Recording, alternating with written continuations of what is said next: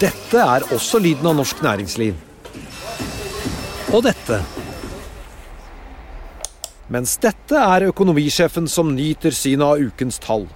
Med økonomisystemet Xledger har du alltid kontroll og oversikt. Gå inn på xledger.no. Denne sendingen er sponset av Xledger. Bedriften står foran et utfordrende veivalg, eller kanskje en krevende omstillingsprosess. Og alle snur seg til deg, som leder. Hvem kan du snu deg til da? I Nordea vet vi at også ledere trenger noen å spørre. Og at de beste beslutningene tas på et grunnlag av kunnskap, erfaring og ekspertise. Som din bankpartner er vi her for deg med råd og veiledning. For alt fra ansvarlig vekst til viktige omstillingsvalg. Så når alle spør deg, da kan du spørre oss. Finn ut mer på nordea.no, din bankpartner.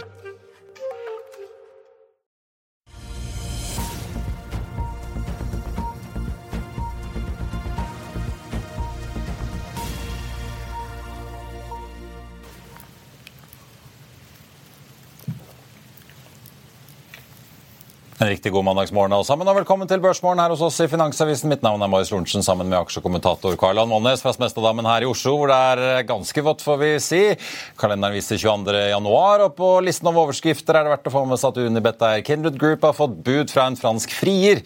Vi skal diskutere det med dagens gjest Christian Tunhold i Alfred Berg kapitalforvaltning. Og så skjer det dealer internt i BV Group-systemet. Kampen om å bli republikanernes kandidat er silt ned til to når Ron DeSantis nå er ute. Det er primærvalg i New Hampshire i dag. og Statsråden for høyere utdanning har gått av. Vil helseministeren overleve? Det får vi se utover dagen og uken. På kalenderen ellers er det en tettpakket uke. Vi har rentemøter i både Norges Bank og Den europeiske sentralbanken på torsdag, men det skjer masse før det.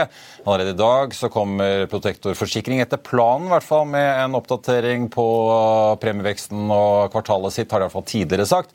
Vi får kvartalsrapporter fra United Airlines og Teknip FMC. Og så er det da tirsdag Netflix og Baker Hughes og Halliburton blant annet som skal i ilden. På onsdag så får vi Tesla og ASML. Torsdag kommer Intel før disse rentemøtene, da, og Skatec så kommer bl.a. Skatec Metall. Vi får også disse inflasjonstallene PC fra USA, som eh, Federal, eh, Federal Reserve er eh, som regel veldig glad i. På Oslo Børs er det ventet en start opp 0,4 fra DNB Markets i dag, etter en oppgang på 0,1 på fredag. Vi så jo også Wall Street tikke oppover. Dow Jones 1,1, SMP 500 steg 1,2 til en ny all time high. Og får vi da ta med da til 4838,81 for de som noterer seg slikt drevet av eh, bl.a. chip-aksjer som Nvidia, som steg over 4% og AMD opp over 7 Og så så vi også Super, Super Microcomputer, som løftet sin guiding og steg 36% Nasdaq opp 1,7. Og så får vi bare ta med da at fra toppen i januar 2022 og ned til forrige bunn på SMP, så falt vi da 25% og siden har det vel stort sett gått eh, oppover. I Asia i dag så er vi stort sett ned, med unntak av Nikkei igjen, da får vi si, som også gjør det historisk veldig bra. Nordsjøoljen svak ned, ligger på 78,30 omtrent i spot-markedet. Så tenkte jeg bare å nevne, før vi kaster oss i gang her med Karl Johan, at Gigante Salmon meldte rett før helgen at de nå er ferdige med testperioden og går over til, går over til en full produksjon da, på dette oppdrettsprosjektet sitt på eh, land. Nå skal jeg si eh, god morgen, Karl Johan. Vi har litt å kaste oss over både både med BV Offshore og også Kindred eh, Group. Skal vi begynne med BV, hvor det skjer litt sånn eh, interne saker og ting, kan vi vel kalle det? Ja, altså, Sammen eh, kom jo til Oslo Børs og introduserte seg med å ødelegge B-aksjene på Oslo Børs ved å ha et uh, vesentlig høyere bud fra aksjene enn B-aksjene. Og B-aksjene var den mest populære i Bergesen, fordi den kunne man handle opsjoner på. Ja, det var Andreas-summen på, tenker du på? Ja. ja, og alle trodde jo det at dette her var trygt som bare det å handle B-aksjer. Men det, det, etter den øvelsen så var B-aksjene ødelagt. Nå eh, kan jo det tyde på at eh, han er i ferd med å ødelegge sånne hatt over hatt-selskapsstrukturer. Fordi at dette her begynner jo å bli litt sånn at du må begynne å, ta det inn i den der komiserien Soap, altså skal du klare å henge med her. Fordi at eh, nå har da Altså det har vært bud da fra BV Group på 27 kroner på eh, på eh, BV Energy. Og nå har BV Offshore, da, og det, det er mange som har vært misfornøyd med det budet. Og nå har BV Offshore solgt sine 22,5% i BV Energy for 176 millioner dollar til BV Group. Og det er kurs 32, visstnok ifølge pressemeldingen, sier de på desken oppe. Ja. Og, og, og da eh, liksom mm, Hva skjer nå? Og så er det også Og de får inn 1,9 milliarder kroner i proveny på dette. her da. Ja, og da er det liksom sånn, da, og så ser de jo på desken hos oss at det, det er ikke tilbudsplikt på dette her på 32. for de som har fått... Og da er det liksom OK, hvor, da er det iallfall sinne, og så er det liksom neste nivå er det advokater. ikke sant? Og, og hvilke, hvor dette ender, om det stopper på sinne eller det blir advokater, det vet ikke jeg. fordi at det, man må jo se på alle detaljene her, og alle må få lov til å si, si det de skal si. Men eh, dette her virker veldig rotete. Ja, for det, vi får jo ta med, altså, BV Group er jo liksom det overskytende, litt som Aker eh, ASA er, på en måte, hvis du kan Nei, jeg vil ikke sammenligne med Aker. Vil du ikke det? Nei, for det er jo, det kan man jo forstå.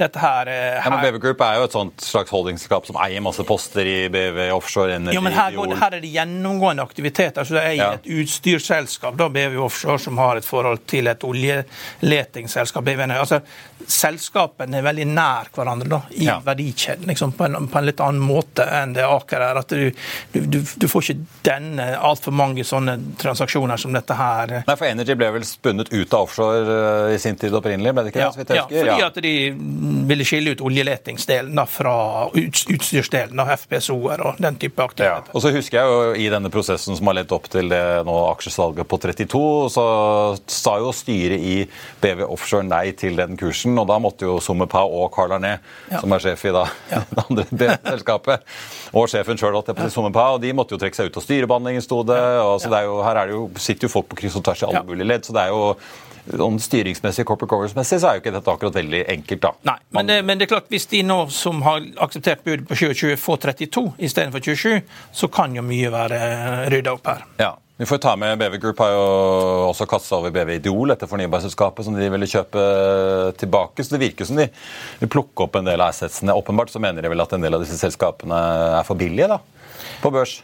Ja, hvis, og hvis de skal til USA med dette, så er det greit å få alt sammen i ett, eh, hvis det er det som er planen. Altså, ja. ikke, ikke, komme dit med altfor mange små selskaper. Det blir eh, vanskelig. Sommerpao husker jo var på norgesbesøk. Han bor jo i Singapore til vanlig, men han var jo i Norge under Paretos offshore-konferanse i fjor høst.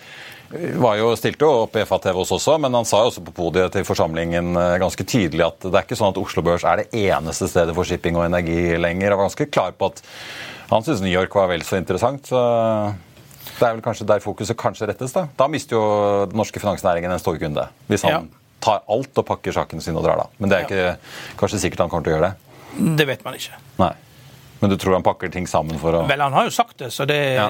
da gjennomfører han sikkert det at den eh, største delen går dit. Og, det virker jo som han rydder opp da, i disse selskapene for å planlegge noe sånt. Og kanskje utstyrsbiten da med BV Offshore i alle fall må bli igjen i Oslo. for det er der, vi er jo flinke, Norge er jo flinkere til å finansiere den type aktiviteter enn man er i USA. Ja. Jeg får ta med da, Det blir en god, god dag for både BV Offshore og BV Energy. BV Offshore opp 6,5 eh, nå til 24,22. BV Energy, hvor man altså har solgt på 32 kroner, ligger på 30,40 nå. Ikke helt 32, men opp eh, rundt 11 eh, fra start på en børs som starter opp 0,2. Vi må, Jeg vet ikke om du har noen tanker om primærvalget i New Hampshire i dag? Ja, det har jo skjedd mye. Det er vel, det spekuleres jo om dette er Nikki Haleys siste sjanse, men hun står jo da igjen, i motsetning til hva mange trodde som den store fighteren mot Donald Trump. Ja, hun, hun, I og med at det er så få, da, så uh, Syd-Carolina er vel hennes uh, hjemstat, er det ikke det? det hun var guvernør der, ja, og der ligger hun ikke godt an på målingene. Jeg, nei, jeg tror Trump har 30 poeng. Altså, Det er jo mindre okay. enn Iowa, men, okay. jeg, men, men, han ligger jo 30 poeng foran henne. Ja, sånn, men altså, der er det jo så, så det er ikke noe, det er ikke noe no, no Evangeliske kristne, liksom. som det heter. Og ganske, det er ganske konservativt. sånn at det ser ut til at hun sliter. Hun treffer jo mye bedre okay. så da, suburbia. Det, da er ikke noe mål for henne å komme til sin hjemstat for å liksom, eh, at, det kunne vært en styrke. da. Men eh, ja, det, det, ser jo ut til å bli Donald Trump som blir republikanske partiets kandidat. og han har jo problemer på alle fronter. Sist nå hvor han ble skjelt ut av kona si for å ha gjort noe som er den største dødssynden du kan gjøre, det er å stille i blådress, stille i, blådress i begravelsen til hennes mor. Ja. Og Det er det bare prins Charles har gjort når lady, lady Diana uh, Og det, alle damer vet sånt. Ja. Så det, det, det, må man ikke gjøre, altså. Det, det, var sikkert veldig mange praktiske grunner for Donald Trump til å ha blådress. Han liker å gå i blådress, liker ikke å gå i, i, mørk, i, i mørk dress, men i begravelse stiller man i svart dress. Ja. Og når du ikke klarer det så Han fikk ikke sitte på i bilen hennes, så hun ble, han ble skjelt ut. Og, og det lip sync readers de så det at hun sa det I told you to wear. Ja, ja. Det smalt. Ja. Det smalt, han tok ikke dressen Fikk- som var lagt frem. Fikk ikke, ikke, sitte på i bilen. med. Nei, ikke sant. Nei. Ja. Men, uh... og og det, det taper du stemmer på. ja. Det er akkurat, akkurat samme som det andre som menn hater med Donald Trump, det at han bruker golfkarten og kjører inn på green. Ja. De, de kan akseptere alt annet, men å kjøre golfkarten inn på Da green gir du fingeren til uh, ja, det, Men det gjør han da systematisk. Så han er, fall. han er, uh, han er ikke helt grei, altså.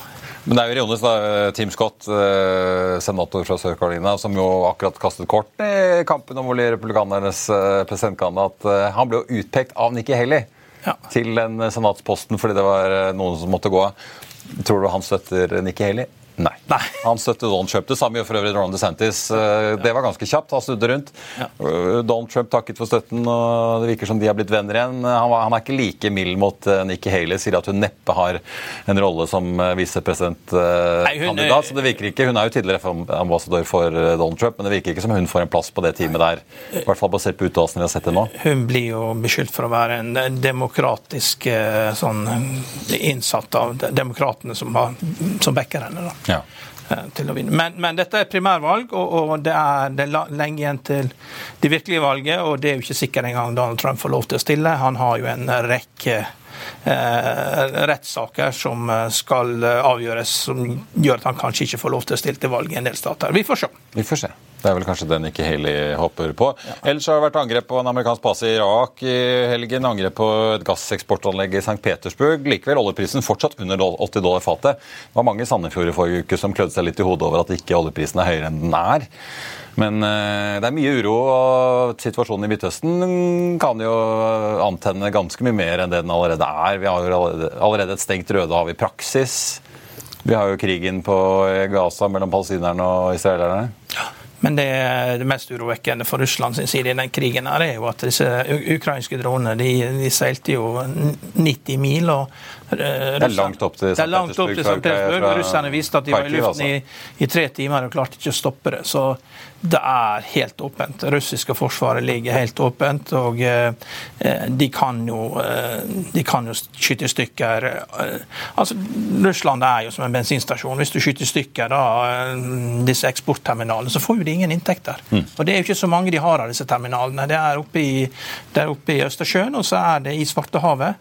Men det er klart at eh, man må jo være forsiktig med å liksom ikke male de altfor mye inn i et hjørne sånn det klikker for dem, hvis de skjønner det at de kan gjøre det. Men ja, Russland, Russland sliter, altså. Det, det de har verken utstyr eller et skikkelig, skikkelig militære. Det er jo bare folk de sender i selvmordsangrep eh, Ja. mot uh, ukrainske styrker. Det er eh, merkelige greier. Jeg tenkte bare å nevne også før vi tar inn gjesten og snakker Kindred, at uh, litt dårlig nytt fra letefronten på norsk sokkel uh, nå på morgenen. Uh, Vår Energi melder om to tørre brønner, bl.a. i samarbeid med Aker BP rundt Balder-området. Og Equinor hadde også det som beskrives som et lite funn da ved Munin, men det var ikke kommersielt, ifølge data fra da Sokkeldirektoratet, som det nå heter. Tenkte også å ta med det med Market, som jekker opp Scandic, altså hotellkjeden med to kroner til 71 svenske, gjentar sin kjøpsanbefaling. De mener hotellkjeden har klart å komme seg styrket ut av pandemien med solide eiere, at de handles til en betydelig rabatt, og at de peker, og meglerhuset peker da på at det nordiske hotellmarkedet fortsatt viser god vekst. DNB regner eh, for øvrig da inn at to tredeler av det konvertible lånet i Scandic blir gjort om til aksjer i sitt eh, kursmål, etter at hotellkjeden altså kjøpte tilbake en tredel av dette lånet tilbake i november. Og så er det Smartcraft, som jeg tenkte jeg bare skulle nevne også.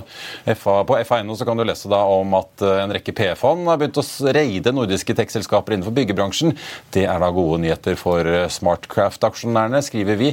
Mer om det på FA.no. Så er det Blue Nord, da, tidligere Norwegian Energy Company Noreco. Der kan gjennomstarten av Tyra-feltet på dansk sokkel eh, komme i gang tidligere enn ventet. Den opprinnelige planen er da 31. mars. 2024. Operatøren opplyser at resultatet av tester antyder at man kan trappe opp til maksimal kapasitet da fire måneder etter gjennomstart. Får vi se når oppstarten der går. Vi er tilbake med Kristian Tunhold rett etter dette. Vil du bli oppdatert på det viktigste som har skjedd innen finans og næringsliv? Da er det bare å følge med, for hver morgen er jeg, Marius Lorentzen og aksjekommentator Karl Johan Malnes på plass i studio for å ta tempen på dagens marked i Børsmorgen. Og hver ettermiddag oppsummerer vi alt du trenger å vite i økonominyhetene, og det blir selvfølgelig masse interessante gjester. Klikk deg inn på fa.no-tv, eller søk opp Børsmorgen og Økonominyhetene der du hører på podkast. Da har vi fått med en som ikke har tatt på seg blådressen i dag, men en skikkelig pinstripe. Velkommen til oss, Christian Tunås, seniorporteføljeforvalter i Alfred Berg. Takk. Og god mandag. Skal vi snakke om eh, Kindred, eh, dere Unibet-eieren? Er det greit å kalle dem det? Ja. ja enkelt og greit? Enkelt og greit. Fått en fransk frier på dør? Vi har det. og eh, altså, Svenskene var veldig tidlig ute med å bygge opp en spillindustri. Altså, de har vært veldig tidlig ute på veldig mye. Spotify, Klarna osv. osv. Og eh, de har flere spillselskaper. eh, Både de som leverer spill, og de som leverer infrastruktur til spill. Og eh, nå er da tydeligvis bransjen blitt såpass moden at den begynner å konsolideres litt. Så først så har man altså, for en ny industri, altså Det klassiske er at du først får mye knoppskytinger. Og så begynner det å konsolideres eh, til litt sånn større enheter. Og det ser ut som vi, dette er første skrittet på konsolideringsfasen. Se på skifer i USA, så ser vi det i europeisk spillbransje. eh. La Française Jeu byr altså 130 kroner aksjen, eh, premie på da 24 fra sluttkursen på fredag. Ja. Ja. Sitter dere i Nei, uh, von Nordic Gambak sitter ikke i Kindred, men vi sitter i Betson, som Ja. eh, tok en liten sjekk her akkurat før jeg satte på, Ja. og den er opp 6,5% her nå, så det smitter over. Det er Klart at For nå har man eh, startet, altså Man har ikke startet en oppkjøpsbølge industrien, men det signaliserer at bransjen her nå er kommet til det, eh, det stadiet hvor man begynner å konsolidere og kjøpe hverandre opp og lage litt større enheter. Og det er klart at eh, De som blir sittende i selskaper som både enten gjør gode kjøp eller blir kjøpt, de har en premie å vente. Ja. Du har også sett litt på tallene, Karl Ann. Ja, Hvordan ser det der oppkjøpet ut? Altså, det- dette er Kindred. eh, Altså, alle svenske selskaper eh, tenker jo globalt. og Du ser det på Evolution Gaming, som leverer som B2B live online kasino teknologiske løsninger. Har en markedsverdi på 257 milliarder svenske kroner. og handles på en PE på 20, og EPS-utviklingen har vært helt flat de siste 15 månedene. Så det er en veldig stabil business da, på levering av utstyr. Da, og de leverer til alle kunder. Men det som er problemet, som disse svenskene har med Kindred og Betzan, det er at de har, har vært tvunget til å være veldig aggressive på hjemmebane for å eh, Fordi de sliter med å ekspandere. Da.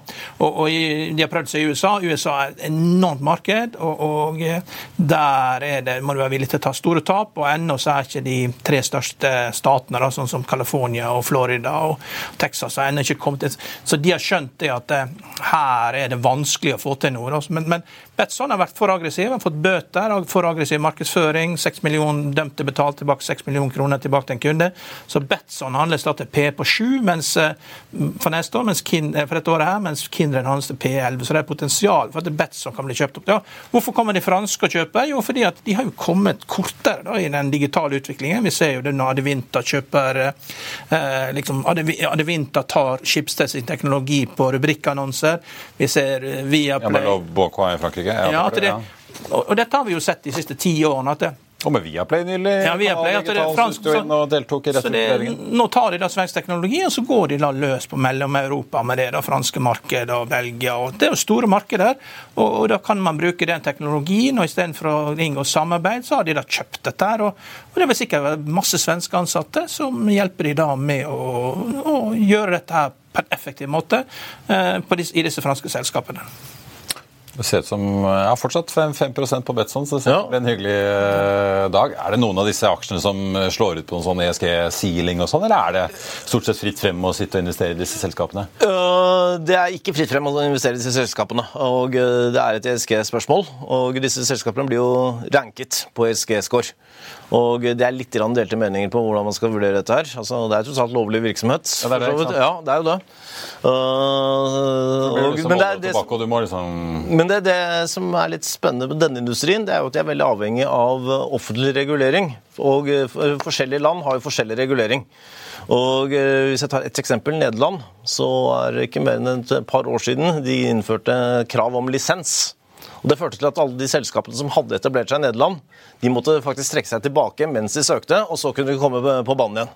Så det er en del, og det er også litt av grunnen til at det tar så lang tid i USA for mange. At øh, hvert stat har sin regulering. Så det er veldig sånn tungvint måte å gå frem. og det, Myndighetene har ikke behøvd å ta stilling til dette her før. De er da nødt til å tenke over en problemstilling som egentlig er ganske ny. Og der er det mange interessenter på banen. Ja. Jeg vet, hvis du jobber hos Berkshire Hathaway og jobber i Omaha, så kan du ikke gamble i Omaha, men du kan kjøre over grensen til Iowa. Der kan du gamble. For der er det kasino. Det er ikke mange minuttene med bil. Jeg, jeg sjekket aksjonærlistene på både Kindred, Betson og Evolution Gaming da, for å se om det var store bevegelser. Ja, ja. og Det er ofte det, det noe av sannhetsserien. Men jeg går helt i bunnen av listene. Da ser du hvem som har solgt seg helt ut. da. Og da ser du at Skandinaviske Skillerbanken har solgt seg helt ut av alle disse tre her i løpet av det siste, siste året. liksom. Eh, Det er jo et signal. da. Det er systematisk at eh, de eh, ikke vil være i denne industrien. da.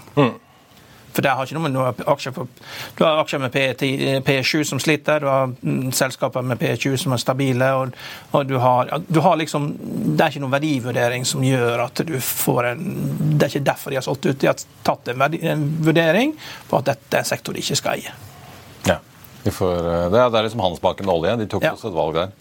Eh, apropos, da, vi, nå får vi se hva som skjer med Smartcraft. Men eh, det, er det en del oppkjøp på gang? Er det sånn dere venter det utover i året? Det Nå som vi kanskje har sett rentetopp? Ja, det er akkurat det. Det er akkurat det. Det er en sammenheng her. Fordi at eh, mens man sitter og venter på at renten skal stige videre, da tør man ikke gjøre oppkjøp. For da altså man gjør stort sett oppkjøp med lånte penger.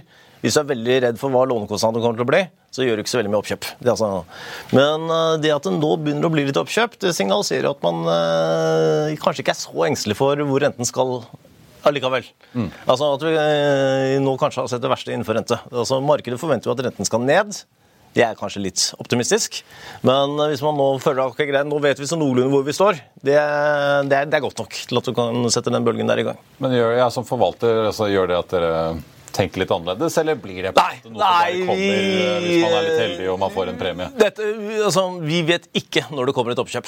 Bare så det er klinkende klart. Og- Nei, det, jeg antar dere Ja. ikke får noe nyss om det, men eh, er det sånn at dere sitter og ser på selskapet og tenker hm, de er liksom en klar oppkjøp, der bør vi vekte opp? Ja, altså vi In kan, case noen kommer inn her og vi kan ha en formening om at et eller annet selskap er en oppkjøpskandidat av forskjellige grunner.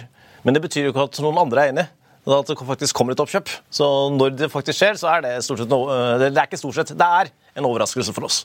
Så det er ikke øh, liksom øh, metoden Nei, vi, vi, vi, vi kjøper ikke en aksje fordi vi tror det kan komme et oppkjøp. Nei. Nei. Vi kjøper en aksje fordi liksom, businessen i seg selv uh, gir grunnlag for det. Men er det kanskje ikke bare Schibsted-system og BV-system og det kan komme litt andre steder òg. Ja, det er vel eh, et par prosent, to-tre prosent som blir kjøpt opp hvert år, så man vet jo aldri hvilke selskap det er. Man vet ikke det, altså. Så hvis man skal ta den strategien, så kan man sitte med mange eh, kandidater eh, veldig lang tid uten at det skjer noe. Men Dette er også lyden av norsk næringsliv. Og dette. Mens dette er økonomisjefen som nyter synet av ukens tall. Med økonomisystemet Xledger har du alltid kontroll og oversikt. Gå inn på xledger.no. er det på noteringsfronten? da, Ser dere noe lysning der i det hele tatt, eller er det fortsatt ganske tørt? Så Før helgen så ble det jo rapportert at meglerrussene sitter jo tydeligvis og jobber med en del ting på kammerset, men noe annet er jo å få grønt lys fra Ja, og øh, vi vet jo om noteringer når meglerhuset annonserer det. Så ikke før. Så hvis meglerhuset sier at de sitter med mye på kammerset, så indikerer det at forvaltere kommer til å høre litt sånn etter hvert. presentert caser. Ja, sånn etter hvert.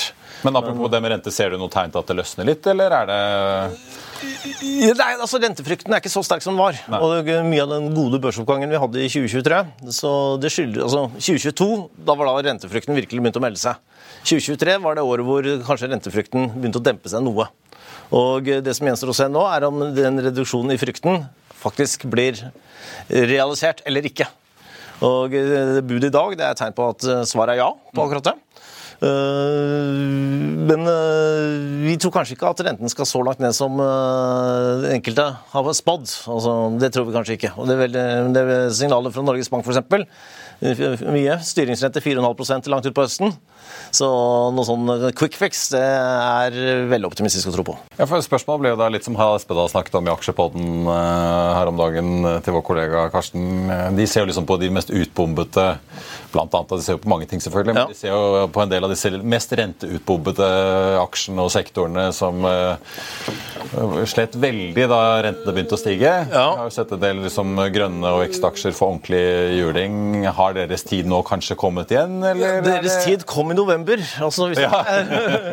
hvis vi tar eiendomssektoren Eiendom vekst fikk Ja, altså Eiendomssektoren i Norden steg 22% i november og ytterligere 13% i desember.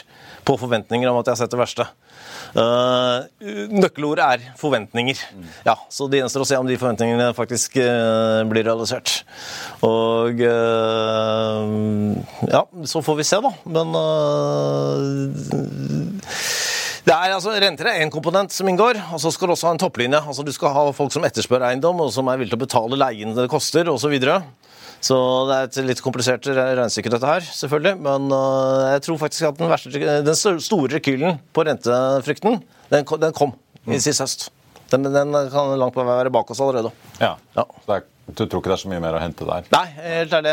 I, uh, altså etter at eiendomssektoren i dag gikk over 30 på to måneder, slutten av 2023 Eh, da har vi hatt den eh, rekylen på redusert rentefrykt.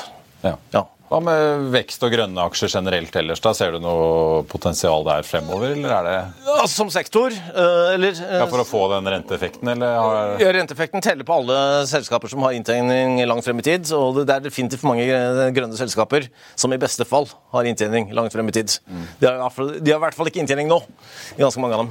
Eh, men altså, når det gjelder grønne sektoren, så er altså, det er så stort spenn. Altså, har, eh, altså det er selskapsspesifikke som kommer til å avgjøre her, mer enn renten.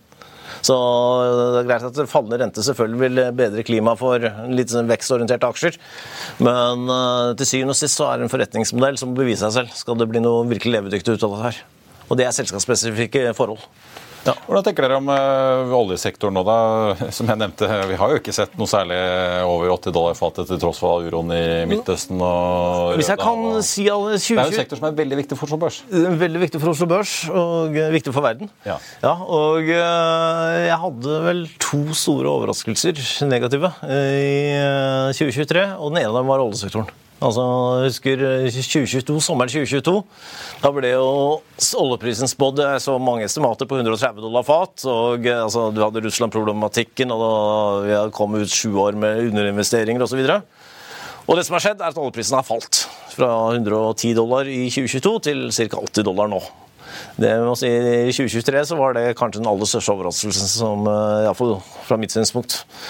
Og øh, mange faktorer bak dette her, selvfølgelig. En ting er kanskje etterspørselen i Kina ikke er fullt så høy som det vi trodde.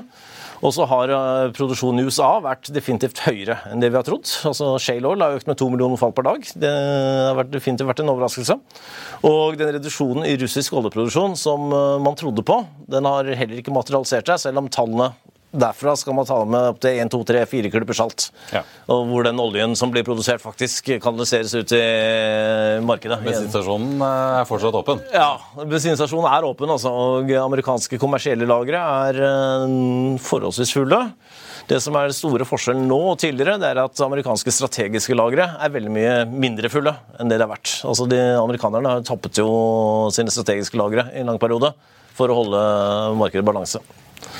Men det er veldig spesielt at du har den uroen i uh, Midtøsten, ja. uh, som uh, helt klart skaper problemer. LNG-skip går ikke til Europa.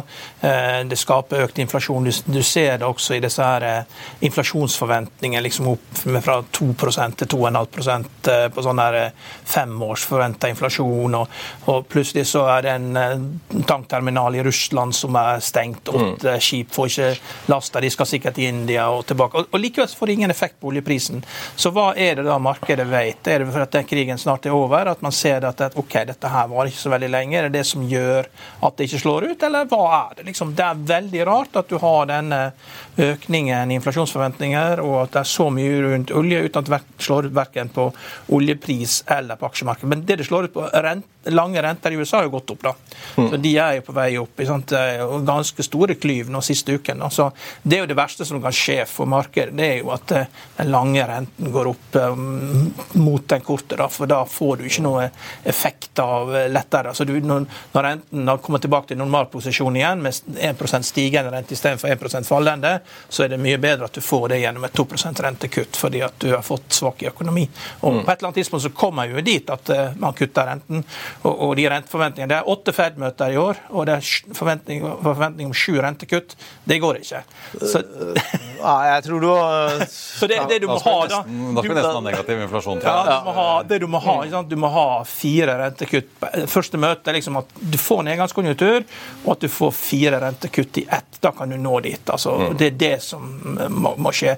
Men det skjer ikke med det første så lenge du har den krigen, den usikkerheten og økt inflasjon i, på vei da, rundt Kapp til gode håp. Ja. Men jeg, jeg var Equinor ned 6-7 i fjor før utbytter eller noe sånt? Så ja, noe sånt ga iallfall hvert forbausen dårlig. Så det hjelper jo ja. akkurat. Nå fikk vi jo likevel en oppgang på nesten 10% på Oslo Børs, da, men det bleknet vi få til hva vi så i en del andre øh, markeder. Ja, så ta forhold til Nasdaq, f.eks. Ja. For eksempel. Men, ja. Og vi fikk vel firegangeren. Men hva tenker dere om oljesektoren nå i år, da? Kan den liksom gi oss noe, eller det, blir det magert hvis ikke vi ser oljeprisen tikke oppover? Utfallsrommet er ekstremt stort. Ja. og uh, altså, Gassprisene i Europa er jo fremdeles sånn historisk sett forholdsvis høye. Samtidig som gasslagrene er ganske fulle. Så det er ikke noe gassmangel i Europa, tross eh, at vi ikke lenger eh, importerer fra Russland.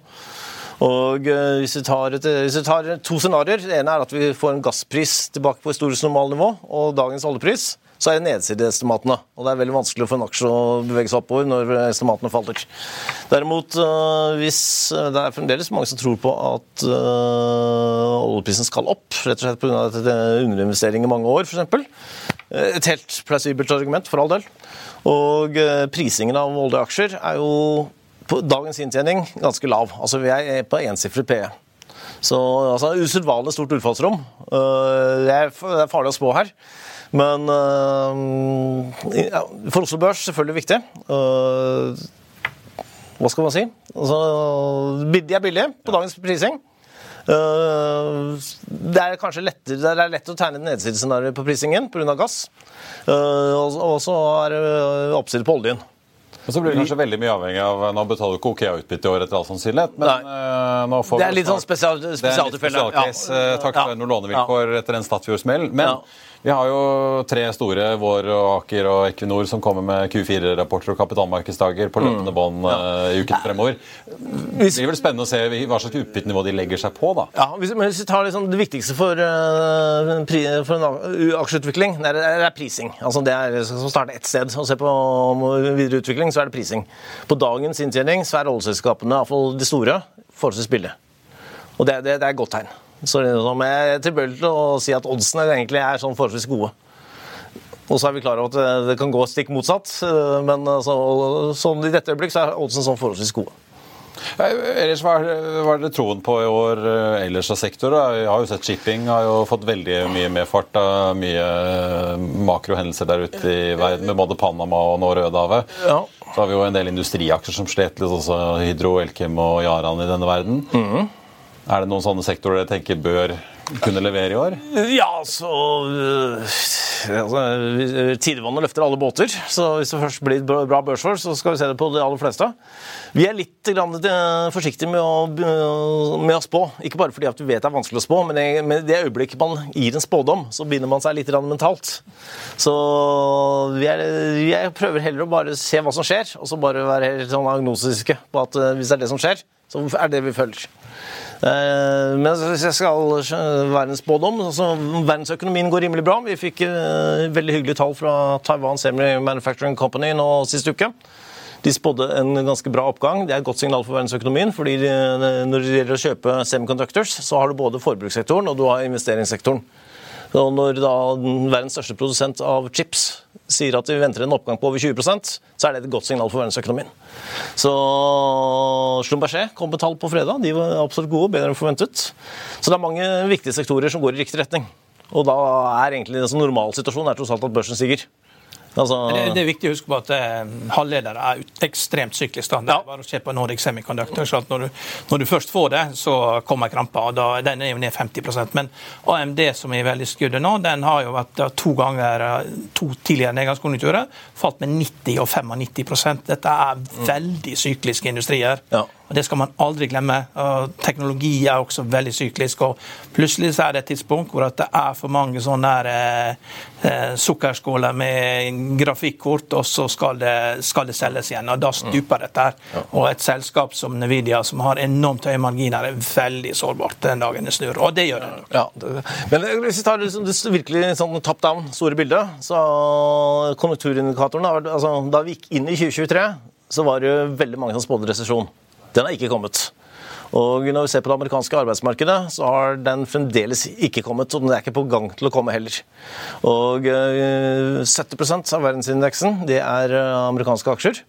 Og 70 eh, av amerikansk økonomi det er konsum. Slik at amerikanske konsument det er omtrent like viktig som resten av verdensøkonomien til sammen for aksjemarkedet. Og så lenge reallønningen i USA faktisk er på vei opp, og det er den, og arbeidsledigheten er rekordlav, så kommer den amerikanske konsumsektoren sannsynligvis til å holde seg rimelig bra. Og, det, altså, og der er viktig bygge, viktigste byggeklassen for en børsoppgang, den er da på plass. Ja. Så skal jeg si liksom, Mine odds for 2024 er at vi skal ha oppgang. Ja.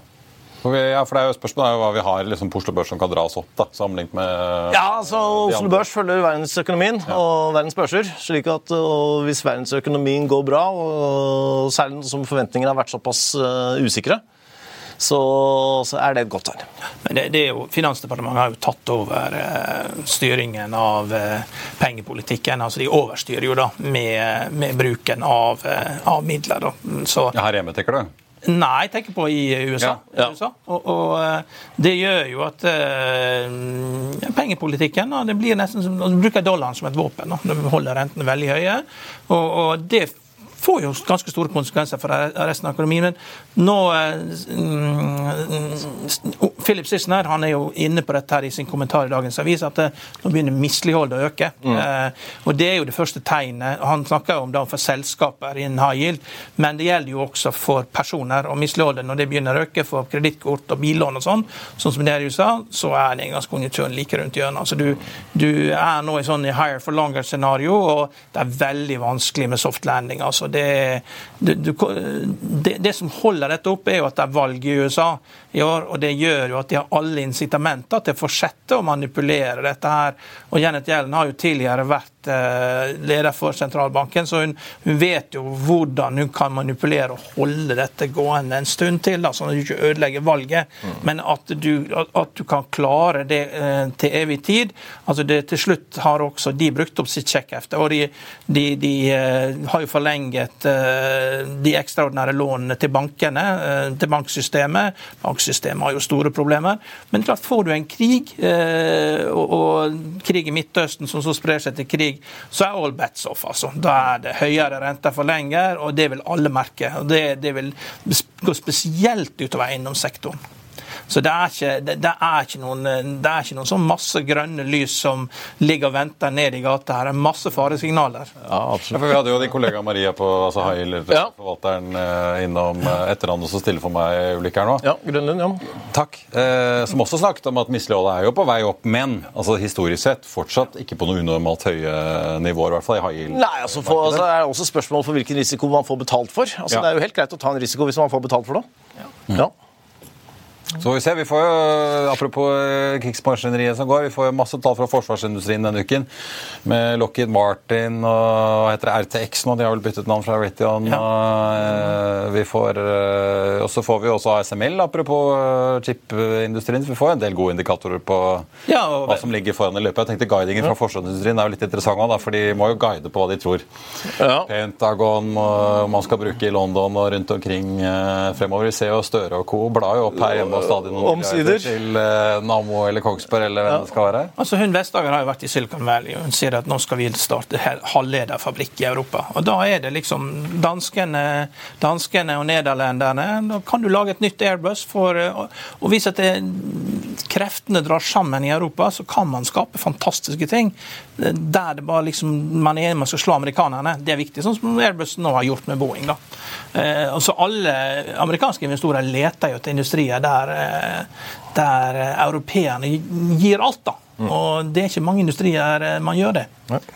Til slutt, Kristian, vi snakke litt om kvartalsesongen som ligger foran oss. En ting er jo hva Våre og Aker og Equinor har av planer både på utbygging og utbytter. Ja. Er det noe annet du følger spesielt med på, eller selskaper du følger spesielt med på i din nordiske sfære? Ja, altså jeg er veldig interessert i finanssektoren. fordi finans reflekterer jo veldig mye hva som er styrken i den underliggende økonomien.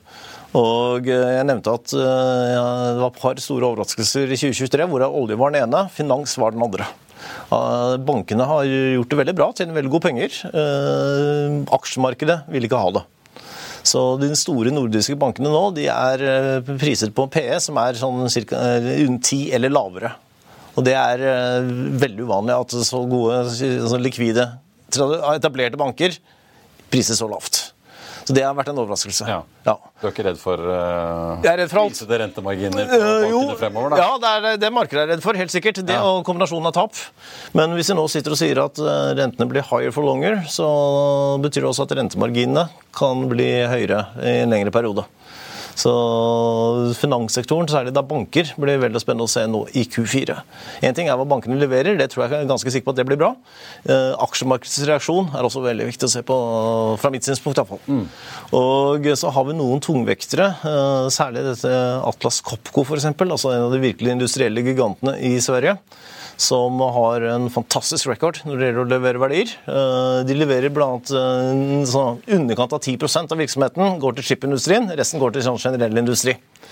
Eh, Det er også en veldig god indikator på styrken i verdensøkonomien. Og- Kompressorer, ikke sant? Kompressorer, ja. Industrivirksomhet, Ja. alt mulig. Ja. Det, hvor stor andel er det? Eh, Ja, altså, Det er eh, underkant av 10 som går til chip. Og så resten er tradisjonell industri, normal industrivirksomhet. Men det er også en veldig god indikator på styrken i verdensøkonomien. Så, mm, ja, så legger jeg merke til også at eh, estimatene faktisk på de aller fleste indekser har blitt tatt opp nå siste, i forkant av sesongen. og Det er eh, et litt interessant signal. Så, altså, Rapporteringssesongen for Q3 var egentlig ganske bra, både i Norden og internasjonalt. Og når folk sitter og tar estimatene opp i forkant av rapporteringssesongen nå, så indikerer det at analytikerne egentlig får ganske gode tilbakemeldinger fra selskapene når de da sitter og ferdigstiller sine estimater Ja. og skal gjøre sine siste justeringer. Er dette Norge? Dette er internasjonalt. Okay. Ja, Det gjelder både Norden og det gjelder eh, SMP. Ja, for jeg tenker Man bygger seg jo litt høyde. da. Hvis de da skuffer, så Ja, kommer jo kursene fort eh, det er kan absolutt fort mulig. reagere ned. da. Men, Men, det du eh, sier kanskje så Du vet, altså Analytikere, når de da skal sette sine kvartalsestimater, de ringer alltid selskapene. altså Jeg ligger det, så har jeg forutsatt sånn og sånn. Ja, OK. Litt, litt forsiktig her, kanskje? Ja. Har du sett på vår virksomhet? Ja, ja. Men det har jo Dette- kommet en del profit warnings, da, så at man har jo Det er en dialog, er en er- dialog her, så jeg bare konstaterer at uh, aggregert sett så har estimatene blitt tatt opp, og det merker jeg meg. Ja. Sånn kan, sånn kan skje når man blir bedt om å titte to ganger på en eller annen divisjon. Ja, ja, ikke sant, ja. Er, er du sikker på at du har sett ja. Vi får se. Men, men altså, dette er uh, spill som går frem og tilbake hele tiden. Altså, I bare... er det jo sånn at ikke sant, Analytikerne har jo de samme estimatene. Ja. Det er jo helt nifst. Har du ikke det, så er du liksom blir ikke invitert på pressekonferansen omtrent. Og så er det også verdt å merke seg at uh, vi snakker mye om at børsene er dyre. uh, og det er syv selskaper i verden som er ekstremt dyre. Og de uh, utgjør uh, mye et par og 30 prosent av SMP 400. Så SMP 493, de resterende andre, de er priset på historisk normalnivåer. Ja. Ja, og Det er også greit å vite. Det er Juel Brynner-aksjene. Ja, kall det gjerne det. Magnificent Seven. Ja, det var, jeg var det jeg skulle til å si, og det fins vel sikkert en eh, ETF for de SMP 493 òg, vil jeg ja. tippe. Ja. Kristian Tunvold Affenberg, tusen takk for at du eh, kom til oss. Bare hyggelig. Jeg tenkte bare å nevne helt på tampen at uh, Protektor Forsikring har kommet med den oppdateringen eh, for kvartalet. Brutto eh, premieinntekter opp 62% faktisk i fjerde kvartal mot året før. Aksjene opp litt over 6 Vi snakket jo gaming også.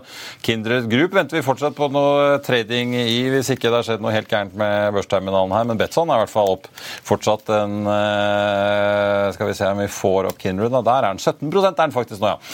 Og så har vi Betson opp da 4,96, så ser det ut til å bli en p-dag for gambling-aksjene.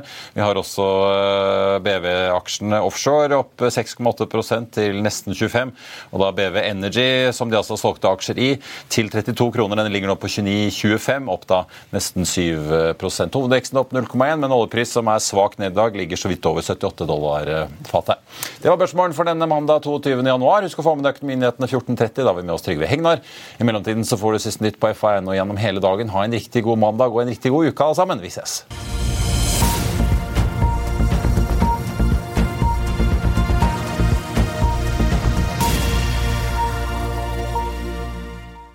Denne sendingen er sponset av X-Leger. ACAST powers the world's best podcasts. Here's a show that we recommend. This is Roundabout Season 2, and we're back to share more stories from the road and the memories made along the way. We're talking rest stops. If we're stopping to get gas, you will be timed. you will be for sure. Misguided plans. I grew up in the city, so I have like, you know, a healthy fear of real extreme darkness. this was like wilderness. A lot of laughs. Y'all weird, but you, yeah, you, you were different. Like you were real different, bro. I can't really put my finger on it. And so much more. Just goes to show that unexpected yeah. things sometimes are the best when it comes to a road trip. Roundabout Season 2, presented by Nissan, is live now with new episodes rolling out every Thursday. Listen and subscribe wherever you get your podcasts.